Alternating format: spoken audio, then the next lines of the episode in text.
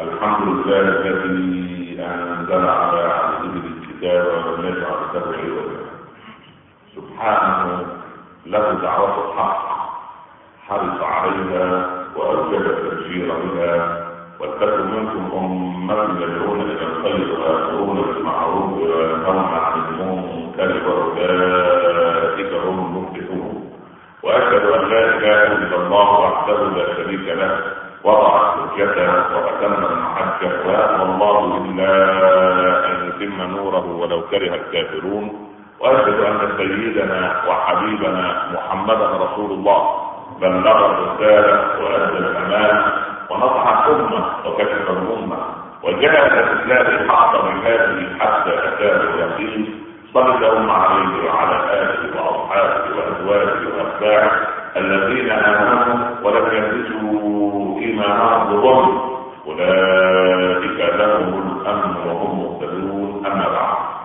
أيها الإخوة المسلمون هل هناك من موانع تمنع قبول العبادة أو بطريقة أخرى؟ هل هناك عقبات أو أبواب تغلق دون أن يصعد العمل حتى يقبله رب العباد عز وجل؟ الإجابة بالإيجاب. هناك موانع كثيرة تمنع من أن يكتب العمل عند الله مقبولا. ما هذه الموانع يجب أن يعرف الإنسان ما هي العقبات التي يجب أن يتخطاها حتى يصعد الكلب الطيب إلى رب العباد عز وجل. إليه يصعد الكلب الطيب. فالله عز وجل لا يصعد عنده ولا يقبل عنده إلا العمل الطيب كما هو العمل الطيب. قال اخلاقنا إن السماوات السبع لها أبواب. هذه معروفة. في أهل في علم العقيدة معلوم أن هناك سماوات سبع ومن الأرض مثلهن وهناك أبواب لهذه السماوات.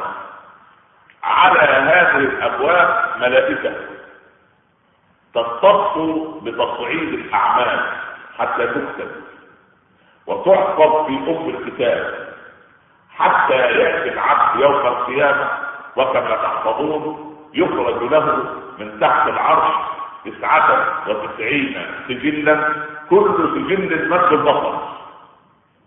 في هذه السجلات يطلع كل واحد منا على سجلاته صفحة صفحة ويأذن الله عز وجل للملائكة لكل واحد منا أن يطلع على سجلاته كلها ما هو المقصود في هذه السجلات؟ منذ أن بلغت الحلم منذ أن بلغت أنت وبلغت أنا الحلم منذ أن أقبلت وأقبلت أنت الثانية عشرة أو الثالثة عشرة أو الخامسة عشرة بدأ الملائكة في كتابة صغير الأمر وكبيره ما يخرج من قول إلا لديه رقيب عتيد كل شيء مكتوب. ما بهذا الكتاب لا يغادر صغيرة ولا كبيرة إلا أحصاها. ووجد ما عملوا في الدنيا يعني ما عملوا حاضرا. حاضرا متى؟ في الآخرة ووجد ما عملوا حاضرا ولا يظلم ربك أحدا. يقول ربنا كفى بنفسك اليوم عليك حسيبا. كيف يحاسب نفسك ما سجل عليه. الذي سجل عليه الأعمال من من من يعني ارتكاب منهيات عصيان أوامر هذه موجودة مسطرة صغيرها وكبيرها. اذا هذه السجلات يطلع العبد عليها هذا يوم القيامة. لأنها كما قال ربنا احصاها الله ونسوه.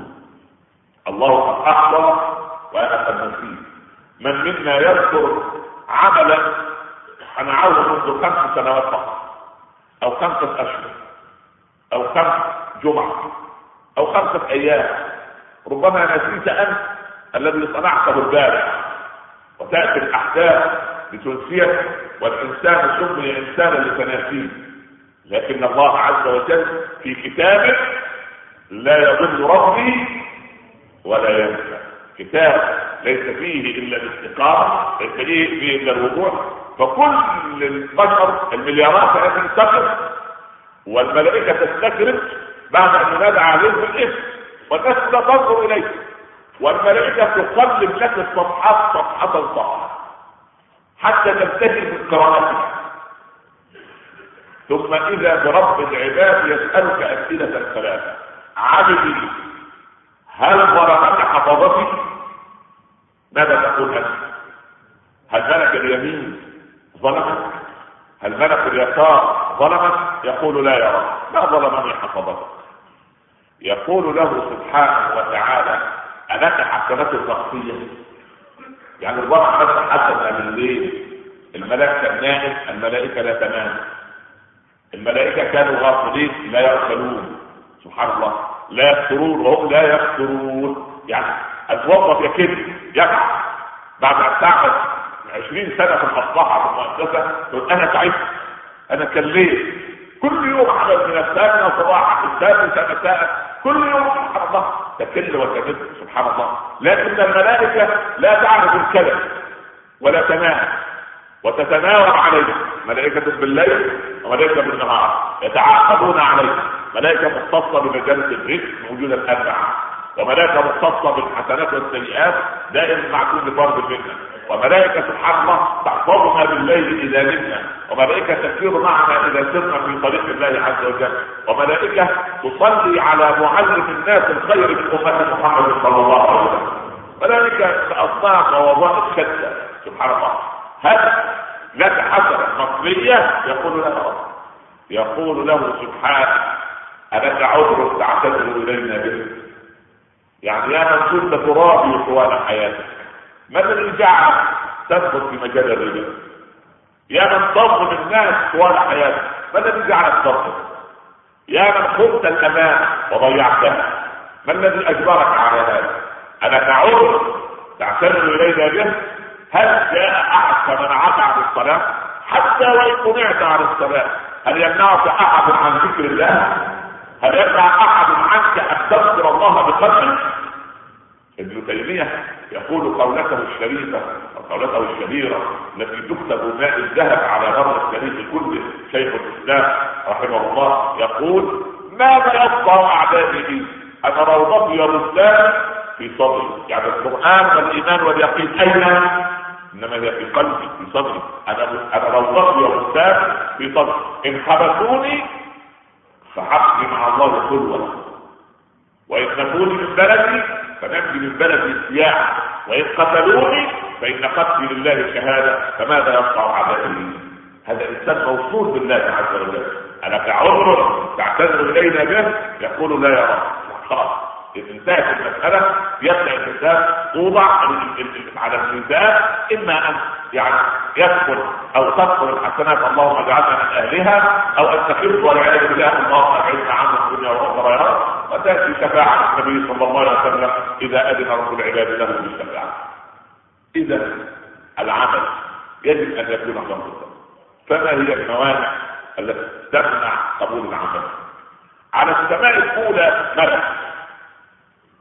إن صليت أو تصدقت أو وصلت رحمك أو صنعت خيرا في انسان يصعد العمل. الملائكة الموكلة بالحسنات والسيئات هي تكتب مجرد كتابه تقرير أنت صليت يكتب الصلاة زكيت يكتب الزكاة. عملت كذا عدت المريض هذه ملك الحسنات تكتبها مجرد كتابه تصعد إلى السماء الملك الذي على باب السماء الاولى يقول للذين حملوا عمله ردوه إليه أن الملك الموكل بالكبر وهذا رجل متكبر والله عز وجل ما أذن لي أن يمر العمل من عندي وصاحبه متكبر. هذا كلام استقاه أهل العلم من نصوص الأحاديث وكتاب ربنا. لماذا؟ يقول ربنا في الحديث القدسي ليس كل مصل بمصلي إنما أتقبل الصلاة ممن تواضع بعظمته. إذا المتكبر هل يتقبل منه؟ ولم يستطل على خلقه. كم مستطيل على خلق الله عز وجل؟ في السباب والشتيمه والقبض الاعراض فإذا كان العبد غير متكبر وكان إنسان متواضع يمر العمل إلى السماء الثانية يلاقيه الملك عمل من هذا عمل فلان ابن فلان. ردوه عليه. أنا الملك الموكل بالغيبة. وصاحب هذا العمل مغتاب والله ما أذن لي أن يمر العمل من هنا وصاحب مغتاب إذا المسألة مسألة خطيرة. الدين يؤخذ ككل. لماذا في المدارس وفي المناهج نأخذ الموضوع ككل؟ يعني الولد لا لا يحصل على اجازه أو على شهادة الثانوية العامة أو الشهاده الجامعية إلا إذا درس عدة مواد كذا وكذا وكذا وكذا فنأخذ الأمر ككل فان كان ناقصا ماده يعاد له الدور الثاني أو يرصد إلى العام القادم لماذا؟ لأن لا تستطيع المؤسسه التعليميه إعطاءه إجازته العلمية إلا إذا درس هذه المواد وامتحن فيها ونجح فيها بدرجات معينة ثم بعد ذلك يعطى هذه الإجازة. هذا في العلم وفي نظام المؤسسه انت لك إجازة سنوية كذا وإجازة مرضية كذا وإجازة للطوارئ كذا ولك راتب كذا ولك عدة ساعات كذا. فإن خالفت لوائح المؤسسة استغنت عنك المؤسسة ففصلتك من عملك. إذا أنت تقبل قرارات المؤسسة كما هي نقبل قرارات التعليم كما هي نقبل الزي الذي يفرضونه على أبنائنا وبناتنا في المدارس وفي أماكن التعليم بشروط معينة هكذا فلماذا هذا لا يقبل دين الله ككل أليس الذي شرع انما هو رب العباد عز وجل؟ لأن هذه موانع الحق إذا ضاع العمل في السماء الثالثه يوقفه ملك الموكل بصلة الأرحام. هذا رجل قاطع برحمه لا يقبل العقل لا يرتفع قطع الرحم. ثم السماء الرابعة العجب والعياذ بالله. يعني كل معجب بنفسه كل معجب بعمله كل معجب بفكره. كل معجب بعقله كله غير معجب برزقه عجيب. يعني انت قبلت عقلك وقبلت ذكائك ورضيت بوسامتك ورضيت بشكلك ورضيت بجاهك ورضيت بمالك أما أو رضيت بعلمك لكن في مسألة الرزق أنت تعترض وتنظر إلى من هو أعلى. انظر في الدنيا لمن هو أقل. وانظر في الدين إلى من هو أعلى. حتى لا تستقل نعمة الله عليك. عبد الله ان عملت عملا فخلص قلبك من هذه الأمور حتى يصعد العمل خالصا إلى الله عز وجل. اللهم تقبل منا واقبلنا يا رب العالمين. أقول قولي هذا وأستغفر الله لي ولكم. أحمد الله رب العالمين وأصلي وأسلم على سيدنا رسول الله صلى الله عليه وسلم. أما بعد إن ديننا عظيم وما ترك النبي صلى الله عليه وسلم والصحابة والسلف الصالح من بعده شاردة ولا واريه إلا وضحوها لنا وبينوها النبي صلى الله عليه وسلم اشتروا له شسع نعل جديد رباط حذاء عزكم رباط يربط به حذاء. وكانوا يصلون في أحذيتهم. كان المسجد النبوي عبارة عن عصا رمال آه، تراب من تراب الأرض ويصلون هكذا. وكان هذا المسجد البسيط هو الذي يخرج العمالقه كما أقول دائما لما علقنا مساجدنا خرجنا اقداما لا تفهم في دين الله شيئا ولا تبقى اعمالا تدخل السرور على الصديق أو تنسى كيد العدو المهم فلما ركع النبي صلى الله عليه وسلم في الصلاة يعني أربع مرات انتهت الصلاة. فقال خلع الشيخ فك الرباط الحذاء ثم أعطاه لأحد الصحابة وقال ائتوني بالشسع القديم لقد شغلني في الصلاة ما الذي يدل على هذا؟ يدل على أن النبي صلى الله عليه وسلم يريد أن يقول لا تشغل نفسك في العبادة بشيء غير العبادة وغير القبول من الله عز وجل بدليل العلماء قالوا لنا من فقه الانسان أنك لما تصلي في البيت مثلا سنن التصق بجوار الجدار لا تترك مجالا بينك وبين إيه لا تترك فضاء تسرح فيه. إن رأيت أنك تخشع إذا اغمضت عينيك فاغمض عينيك. إن رايت إن رأيت أنك لا أنك تخشع إذا فتحت عينيك تفتح عينيك. هذه المسألة تعود إليك أنت. تعود المهم. سواء تغميض العينين أو تفتح العينين هذه تعود إليك. فلان إذا اغمض عينيه سهى وسرح وفلان إذا فتح عينيه سهى وسرح فكل اعمله بالبلوان ولكن الفقهاء قالوا إذا وقفت أنا بالصلاة فإن المنبر ليس مكان الفقه ولكن يعني أقول كيف كان الرسول بنا رحيما صلى الله عليه وسلم ما ترك شيء إلا ووضحه لنا. إذا وقف الإنسان وهو قائم يقرا ينظر في محل سجوده. فإن رجع فلينظر إلى أقدامه. فإذا جلس فلينظر إلى أرنبة أنفه. هكذا إن كان قد فتح عينه أما إذا رأى أن فتح عينيه سبب للسهو وسبب للسرحان فليغمض عينيه هذه مسألة لا تدخل في قبول الصلاة أو عدم قبولها. هكذا إن أخرجت صدقة. أخفها حتى لا تعلم الجمال كما أنفقت جميل. إن رأيت يعني سبحان الله أنك تزور فلان أو تنصح خير في فلان لا تذكره حتى لنفسك لأن العبد إذا أراد بعمله وجه الله سبحانه وتعالى فإن ذلك وسيلة لقبول العمل. أما ما هي الموانع وتكملتها هذا موضوع حديثنا بعد الصلاة إن شاء الله لأن الجو شديد الحرارة على إخواننا. اللهم أظلنا بظل عرش يوم لا ظل إلا ظله اللهم اجعل لنا أول يومنا هذا صلاحا وأوسطه نجاحا وآخره بلاعا لا تجعلنا فيه ذنبا الا غفرته ولا مريضا الا شفيته ولا عسيرا إلا يسرته ولا كرما إلا اذهبته ولا هما إلا فرجته ولا دينا إلا قضيته ولا ضاما إلا هديته ولا ميتا إلا وقد رحمته ولا مسافرا إلا ضاما لا يمنع إلا وقد رددته ولا حاجة من حوائج الدنيا لك فيها رضا ولا فيها صلاح إلا قضيتها ويسرتها يا رب العالمين. اللهم ارزق بناتنا بالازواج الصالحين.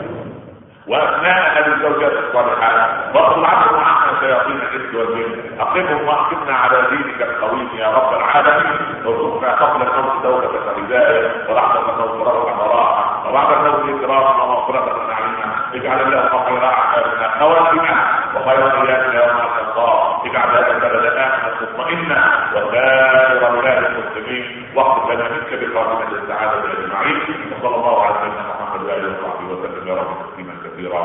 بسم الله الرحمن الرحيم. والعصر. إن الإنسان لفي خسر. إلا الذين آمنوا وعملوا الصالحات. وتواصوا بالحق. وتواصوا بالصبر. صدق الله. ومن اصدق من الله قيلا نكمل حديثنا إن شاء الله بعد الصلاة. وقوموا إلى الصلاه يرحمكم الله. واخر نصر الله رب العالمين واصلي واسلم على سيدنا رسول الله صلى الله عليه وسلم. أما بعد. احبتي بالله. قبول العمل. هذه مسألة في منتهى الخطورة. لأن اليوم الذي يمر لا يعود مرة أخرى. يقال إن اليوم عندما تشرق الشمس لسان حاله يقول يا ابن آدم أنا خلق جديد. وعلى عملك شهيد. فاحذر. إنني إن مضيت لا أعود إلى يوم القيامة. يعني الخميس الأمس يوم الخميس بالأمس. لما مضى متى يعود؟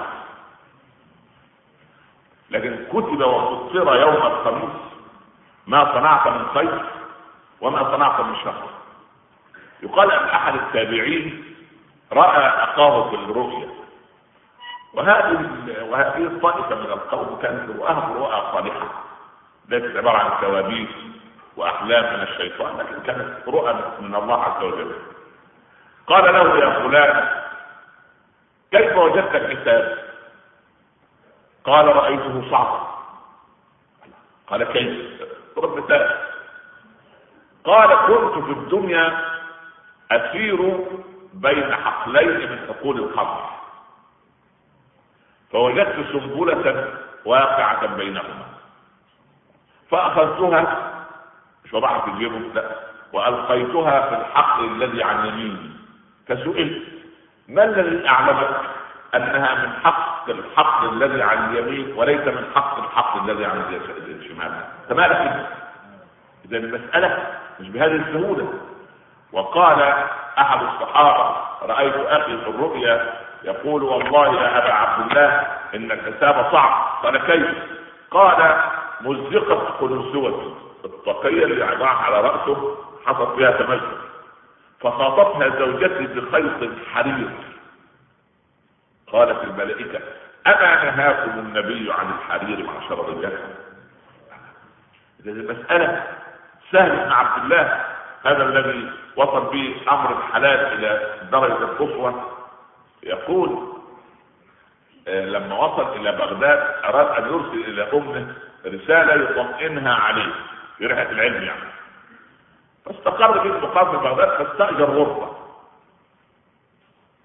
فواحد من القبيلة من بلده قال أنا إلى البلاد يعني أريد من رسالة؟ قال أحملك رسالة لأمي.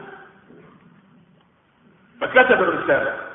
لكن المسافر على عجل القافله تتحرك وعايز يصير معه فالحبر الذي كتب فيه لم يكن كأخبار التي تجف يعني عايز وقت إلى إيه فيعمل إيه؟ راح اخذ شوية تراب من أرضية الغرفة والشجره يعني وجفر بها الإيه؟ ما كتب ثم طوى الرسالة واعطاها نام بالليل فرأى الرسول صلى الله عليه وسلم بيده. كوب من لبن وكوب من قطران. عارف القطران الاسد اللي ولاده اللي بيعملوا بين الأرض والاسد سبحان الله. قال له يا سهل ضع هذا بهذا واشرب قال كيف يا رسول الله لبن نخلطه بالقطران كيف قال ما صنعت أسوأ من هذا.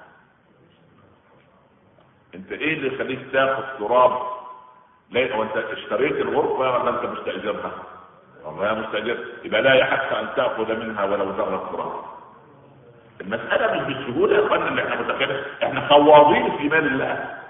إحنا نخوض في الأموال ما يهمني يقول لك يا شيخ اي الإخوة يستفتوني فتاوى تتكلم منين يا أخي الكريم؟ من المصلحة وهل أذنت لك المصلحة أن تستخدم هاتفها لقضاياك الخاصة؟ لا بورك في السؤال ولا بورك في المستفتي ولا بورك في المستفتى ولا بورك في الفتيا. الموضوع قائم على حرام. لا بركة في في, السائل ولا بركة في المجيب ولا بركة في الاجابه لأن المسألة نريد حلالا. الحلال الصرف. حتى البصري أنا عايز درهم حلال. إيش تعمل بيه يا بصري قال أشتري به رغيفا. أضعه في الفرن يجففه يعني مصر ثم أدقه يطحنه وأضعه في حق في علبة. فمن مرض أخذ ذرتين من هذا الدقيق على لسانه فشفاه الله. المال الحلال المال الحلال سبحان الله. ولذلك العبد المسلم العبد المسلم مش خواض في بال الله. ليس خواضا لا بلسانه ولا بجوارحه ولكن هناك فرق بين من يذنب ويضحك وبين من يذنب ويبكي. والله إن قطعنا ما بيننا وبين مودة الله لنا سبحانه وتعالى على أننا مسلمين لن نجد لنا صديقا على وجه هذه الأرض. الناس كلها بتضل كل ده تابعت اجتماعات وملتقى الحائزين على جائزة نوبل. وتشوف الناس المفكرين أهل العلم ماذا سوف يقولون قلبت في الاخبار وفي القنوات العربية والأجنبية إلى أن وصل تقرير كامل عن الملتقى. يقول رئيس الملتقى ويحايز على جائزه نور يعني مع سبحان الله رجل علم خلاص. ويبين يكون عقله يزن إيه؟ أمة. قال أول شيء العمليات الانتحارية التي يقوم بها الفلسطينيين هي أكبر ضرر ضد الإنسانية. يعني خلاص بتاع نوبل خلاص تفجر ذهنه ان شوية العمليات الانتحاريه هي دي الايه؟ لكن بقية الأمور الأخرى ليست فيها خطر. فقلت سبحان الله العقل البشري هو مقسوم نصفين.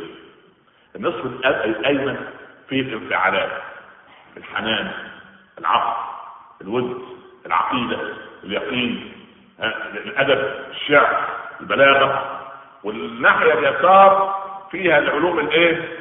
اللي بيقول عليها الطبيعية العلوم البحث الرياضيات الفيزياء الكيمياء الذرة.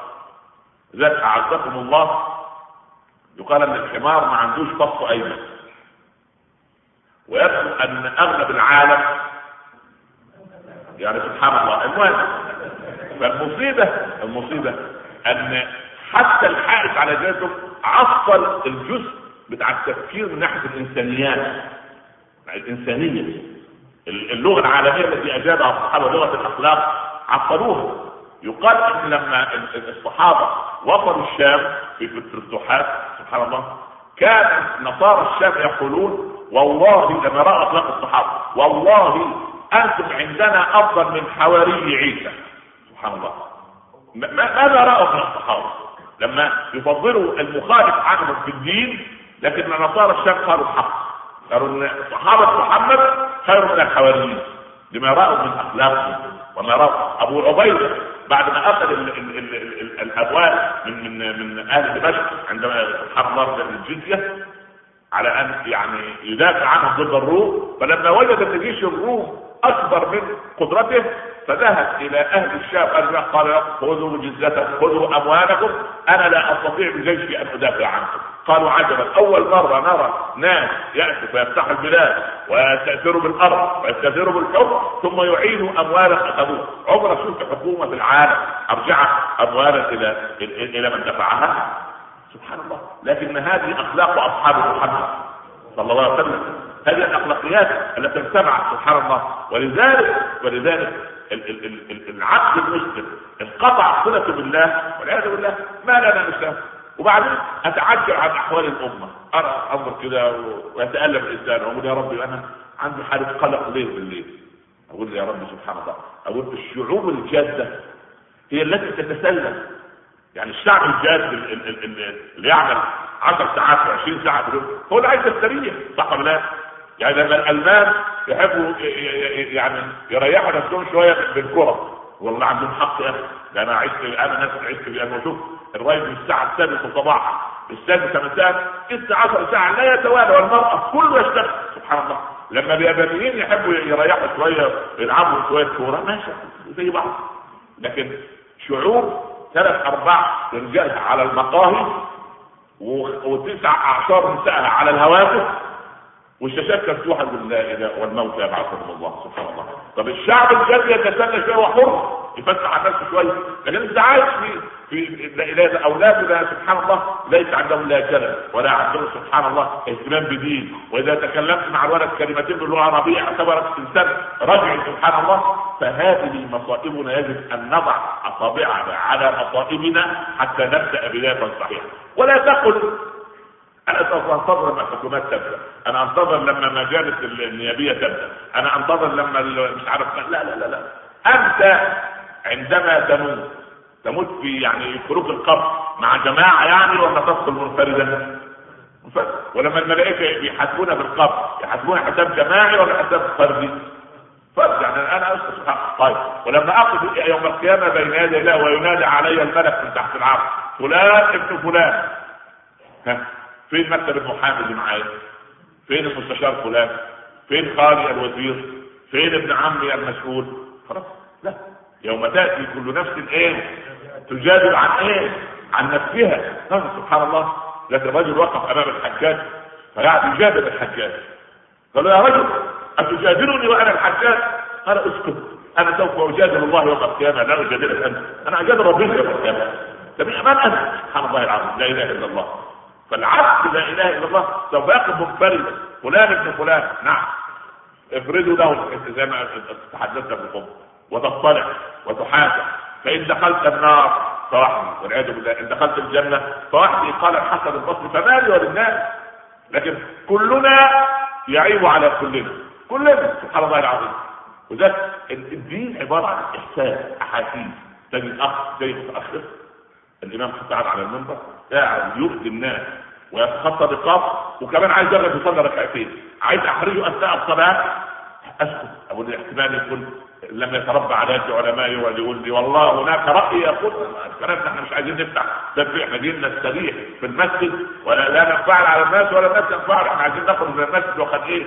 ملئت قلوبنا إيمانا وهذه فائده خطبه الجمعة. الدين أحاسيس عاليه راقية.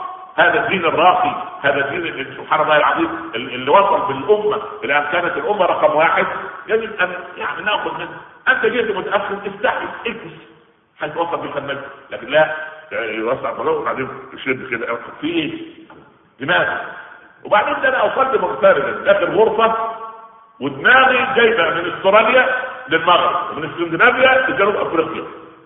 طب الإمام يقف ويتكلم بالله عليك خلاص وصل بك الخشوع. خشوع عمر بن الخطاب. أن الإمام يخطب وانت لست هناك. لكن هو مسك في تفاسد الأمور. مع أنه خلي بالك من جاء بعد أن يقول الإمام الحمد لله قال صلى الله عليه وسلم أغلقت الملائكة الصحف وجلست تستمع إلى الذكر. يبقى من كتب؟ الملائكة مع وقفة على الباب تكتب الأول فالاول ها فلان. فلان فلان فلان. أول ما الحمد لله يغلق الملف. إذا أغلق الملف لا يكتب أحد منهم حتى خاف بعض الفقهاء في خلاف فقهي قد يا ترى الذي لم يحضر الخطبه من اولها هل يصلي ركعتين ولا يصليها اربعا في خلاف فقهي كمان مساله أكبر مما تتخيل. وليه خطبة ليه ظهر الجمعة ركعتان فقط. لأن الخطبة قامت بمقام إيه ركعتين بدليل أن من قال لجاره والإمام يخطب أنصت فقد إيه؟ فقد لغى. ومن لغى؟ يبقى اذا الخطبة تاخذ مقام إيه؟ الصلاة. لا أستطيع أن أتكلم فيها إلا إذا ذكرني الإمام بشيء لا إله إلا الله لا حول ولا قوة إلا بالله لا أصلي على رسول لا أستغفر له. هذا أمر ليس كذا لكن قال ومن مس الحصى فقد إيه؟ فقد لغى. يعني إيه؟ يلعب في سجاد المسجد يحرك المسبحة في يده سبحان الله. فهذا إنسان ساهي عن الله عز وجل. إخوة يجب أن نتعلم الأدب مع الله عز وجل حتى تقبل أعمالنا؟ ما هي بقية الموانع التي تمنع العمل؟ ما توحد الله. لا إله إلا الله. أنت كان بينك وبين الله عقد لما نزلت إلى هذه الدنيا في عقد ضمني أنك عبد لله عز وجل. خلاص أنت من عباد الله. وهذا كرم كبير على الله منا. وأي شيء أي عقد في شروط. ومن باب تحديد الخطبة دمها ثقيل وكلامي دمه ثقيل وأنا خايف إن يكون دمي ثقيل قال ان الزوج قاعد يقلب في عقد الزواج جنب زوجته قلب يمين ويسار يسار. قالت إيه يا راجل؟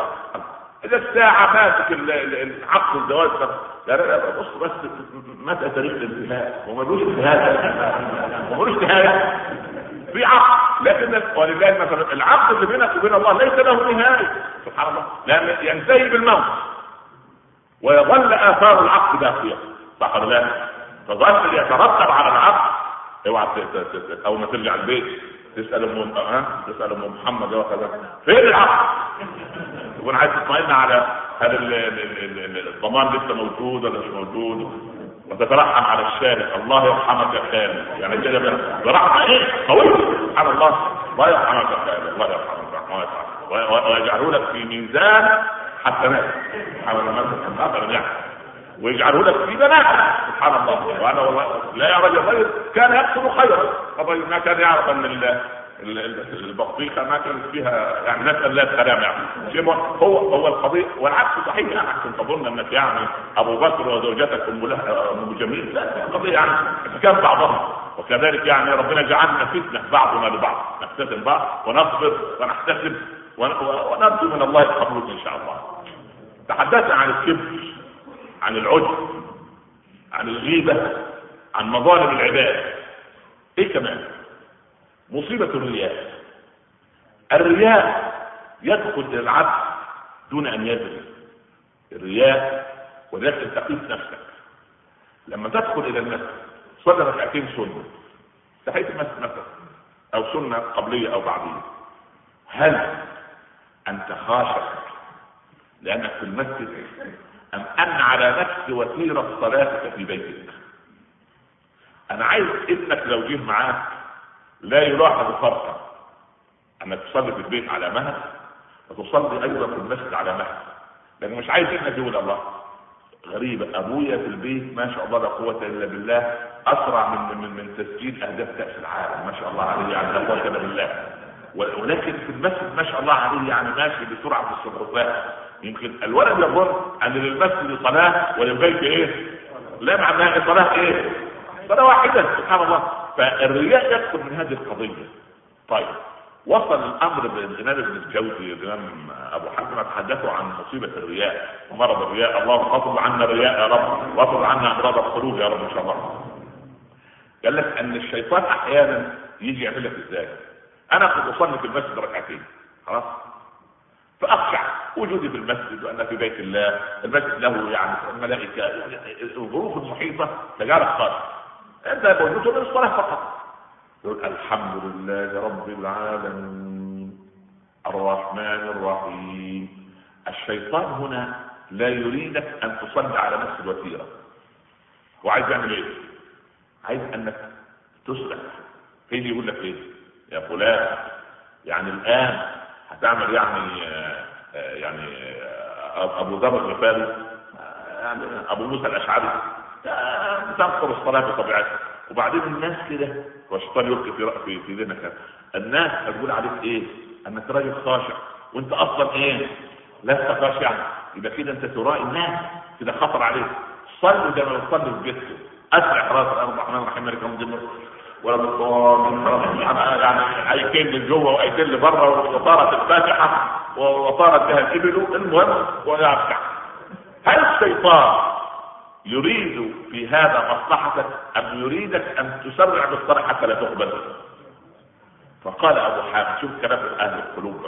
قال أبو حامد الغزالي إن جاءك الشيطان يقول لك في الصلاة إنك ترى انك إيه يعني إيه؟ نظر إليك يعني. فأطل صلاتك واقهر الشيطان وقل إني أصلي لله رب العالمين. يعني عشان تغلب باب الشيطان تعمل إيه؟ لا على الله أنا أصلي صلاتي لله. أنا مالي فلان يقول علي كذا ولا فلان. ولذلك الرياء أيضا يطرد بكثرة دعائك لله عز وجل. اللهم جنبنا الرياء صغيرة وكبيرة من الراه لأن المصيبة اليسير من الرياء شرك. اليسير دخل الأحدث بن قيس حبيب العرب على معاوية. شوف الناس وردود الناس وأفكار الناس.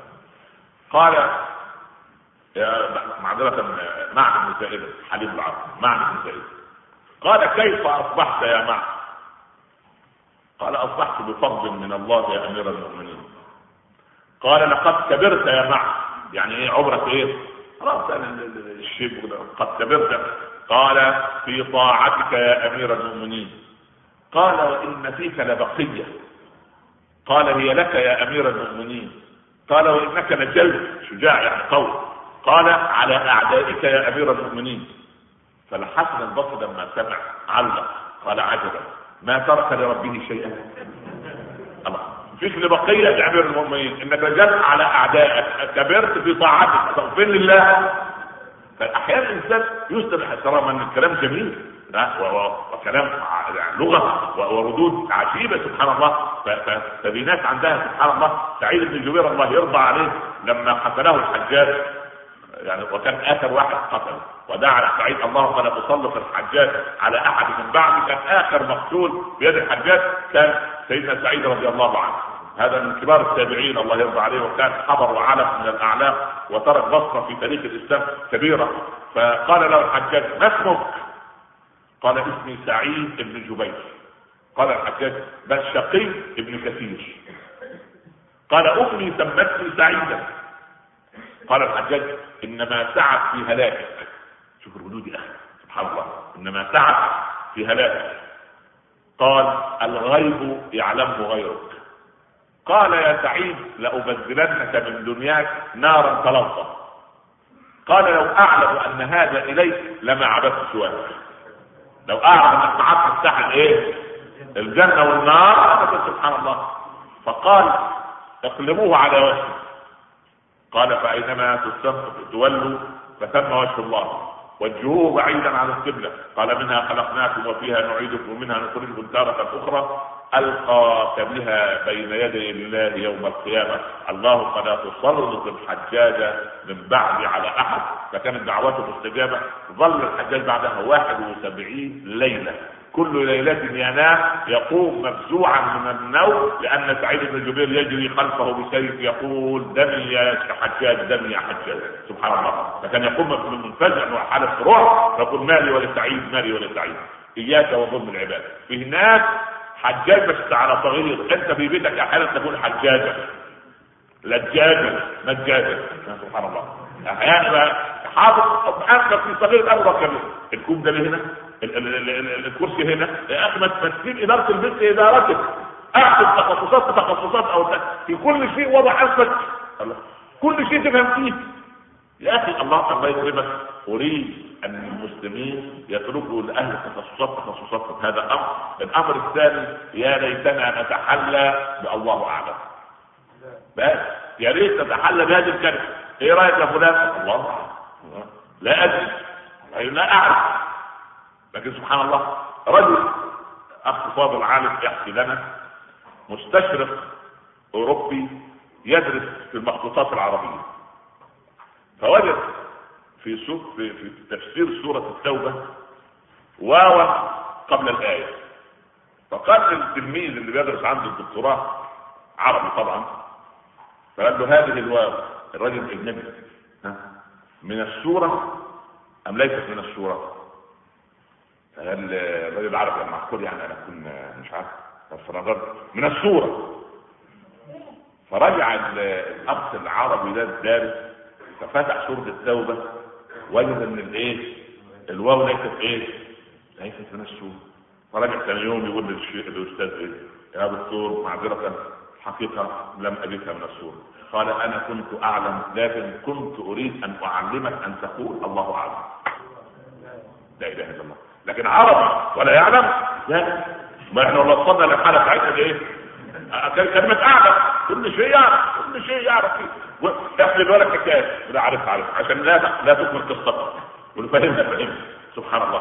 فقضية الله أعلم دي يعني مهمة جدا لأن كلمة اعلم من كل شيء تصيبك بعجب تصيبك برياء تصيبك بغرور فلا تجعل العمل مقبولا عند الله. اللهم تقبل منا أعمالنا واغفر لنا وارحمنا. ووفقنا واهدنا واجعلنا هداة مهتدين اللهم يا أرحم الراحمين ارحمنا. يا أرحم الراحمين ارحمنا. يا أرحم